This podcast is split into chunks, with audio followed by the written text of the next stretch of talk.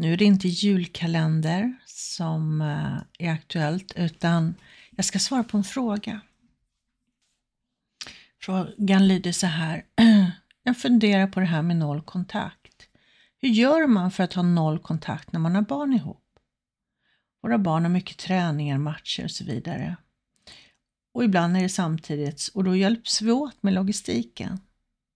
Men hur kan jag ändå skydda mig så att han inte når mig trots att vi träffas och behöver ha kontakt? Har du några tips?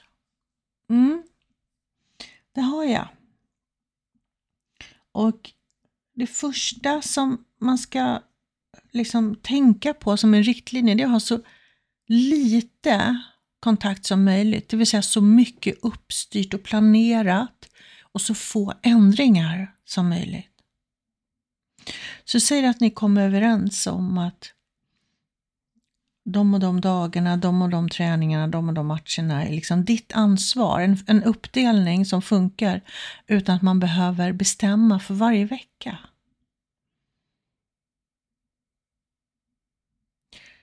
Om det är görbart, vill säga.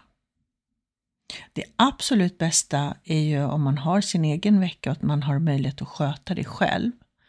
Så att man inte blir involverade. Men är det så att det krockar, eh, att man behöver hjälp då med, som sagt, med logistiken, att det redan är planerat vem som gör vad. Och så få ändringar som möjligt. För narcissister vill ställa till det, vill bråka, vill skapa drama. Och Det kan vara så att de, nej men jag måste för mitt jobb, då måste vi ändra. Ja men då får vi planera så att det funkar med ditt jobb. Förstår du? Försök att hålla den linjen. Att det är fastställt vem som gör vad, vem som åker redan innan på matcher och träningar. Och också uppstyrt att all kontakt handlar om barnen. Allt annat svaras inte på. Man kan till och med styra upp det så om det behövs att eh, jag är, är nåbar liksom mellan vissa tider. Så vi säger att du får helgerna som en fristad. Där du verkligen kan koppla av. Du säger att du kan blockera din ex-partner för att få sinnesfrid. Att du försöker eftersträva det för att skydda dig själv. Och hur kan jag ändå skydda mig så att han inte når mig? Det är ju, jag gissar om jag nu tolkar det här rätt, kommer åt dig.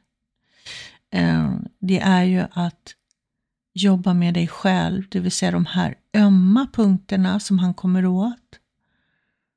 Han kanske ger dig, jag tar bara ett exempel, skulden för att du är en dålig mamma, för han vet att du tvivlar på dig själv, du vill att allt ska vara perfekt. Exempelvis. Då kan du ta hjälp av mig så kan jag hjälpa dig komma åt det här. Vad är, för om han kommer åt dig med det, då gör ju du det mot dig själv. Det vill säga du lägger skulden på dig själv att du inte är perfekt. Och Då kan vi kika på det. Var kommer det ifrån? Vem är man om man inte är perfekt? Vad är egentligen såret i det här? Och komma åt det. Så att sen när han försöker komma åt dig och säger du är en dålig mamma, då vet du i sanning att det inte är sant. Du känner det i ditt hjärta.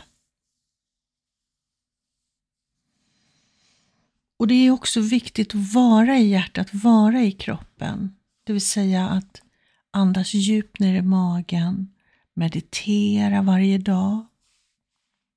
Det kan vara korta stunder, behöver inte vara långa stunder, men i alla fall meditera.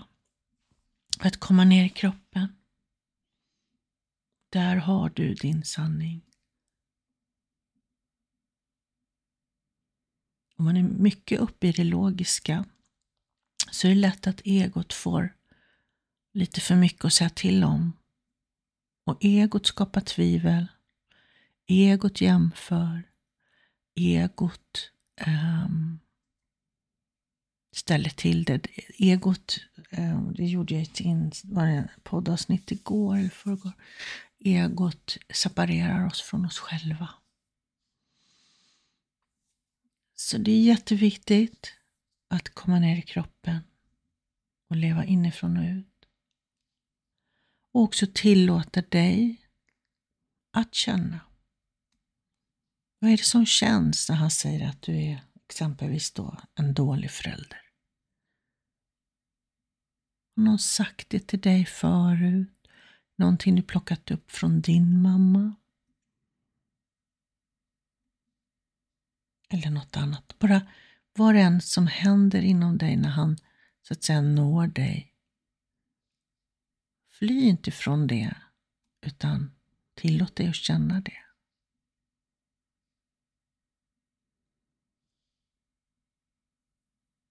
Att skapa den här självmedvetenheten om dig själv. Det är vägen framåt. Mm. Har jag svarat på det här? Jag ska summera lite. Nollkontakt går ju inte om man har barn. I alla fall oftast inte. Det finns de som har styrt upp det så att man inte behöver träffas, att man överlämningar sker, exempelvis förskola och sånt. Eh, det kan också vara något att ta med i åtanke. Men framförallt uppstyrt, ett schema som inte ändras. Och om narcissisten vill hålla på att ställa till det och vill ändra och så vidare, så bara nej. Du får lösas, då får du lösa det med någon annan. Barnvakt eller liksom så. Verkligen hålla den linjen. Att inga ändringar, det är ett schema som vi har bestämt och det ska vi sköta båda två för att få det här att fungera. Mm. Och att skydda dig så han inte når dig, det är ju liksom att dels vara centrerad då, innan ni möts så att du inte är stressad uppe i ditt logiska sinne. Så att du är i kontakt med dig själv.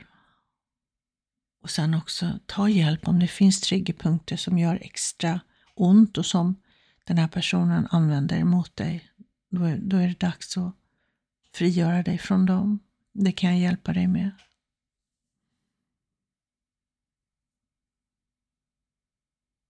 Ja. Och sen också precis eh, skapa fristad för dig själv att du inte alltid är tillgänglig och att du får stänga av telefonen. Ge dig själv den tillåtelsen eller blockera din ex-partner om du behöver det bara för att få fullständig sinnesfrid. Om det är möjligt. Och så meditera. Jag vet inte hur många gånger. Jag kan inte nog poängtera hur viktigt det är för välmåendet. Det är jätte, jätteviktigt. Och det som sagt, det behöver inte vara långa stunder. Det kan vara korta stunder. Hellre kortare och oftare. Om du sitter på bussen, bara andas djupt och rikta din fokus inåt på dig själv. Bara andas. Och hämta hem dig själv så att säga. Kom, rikta fokuset på dig själv inom dig.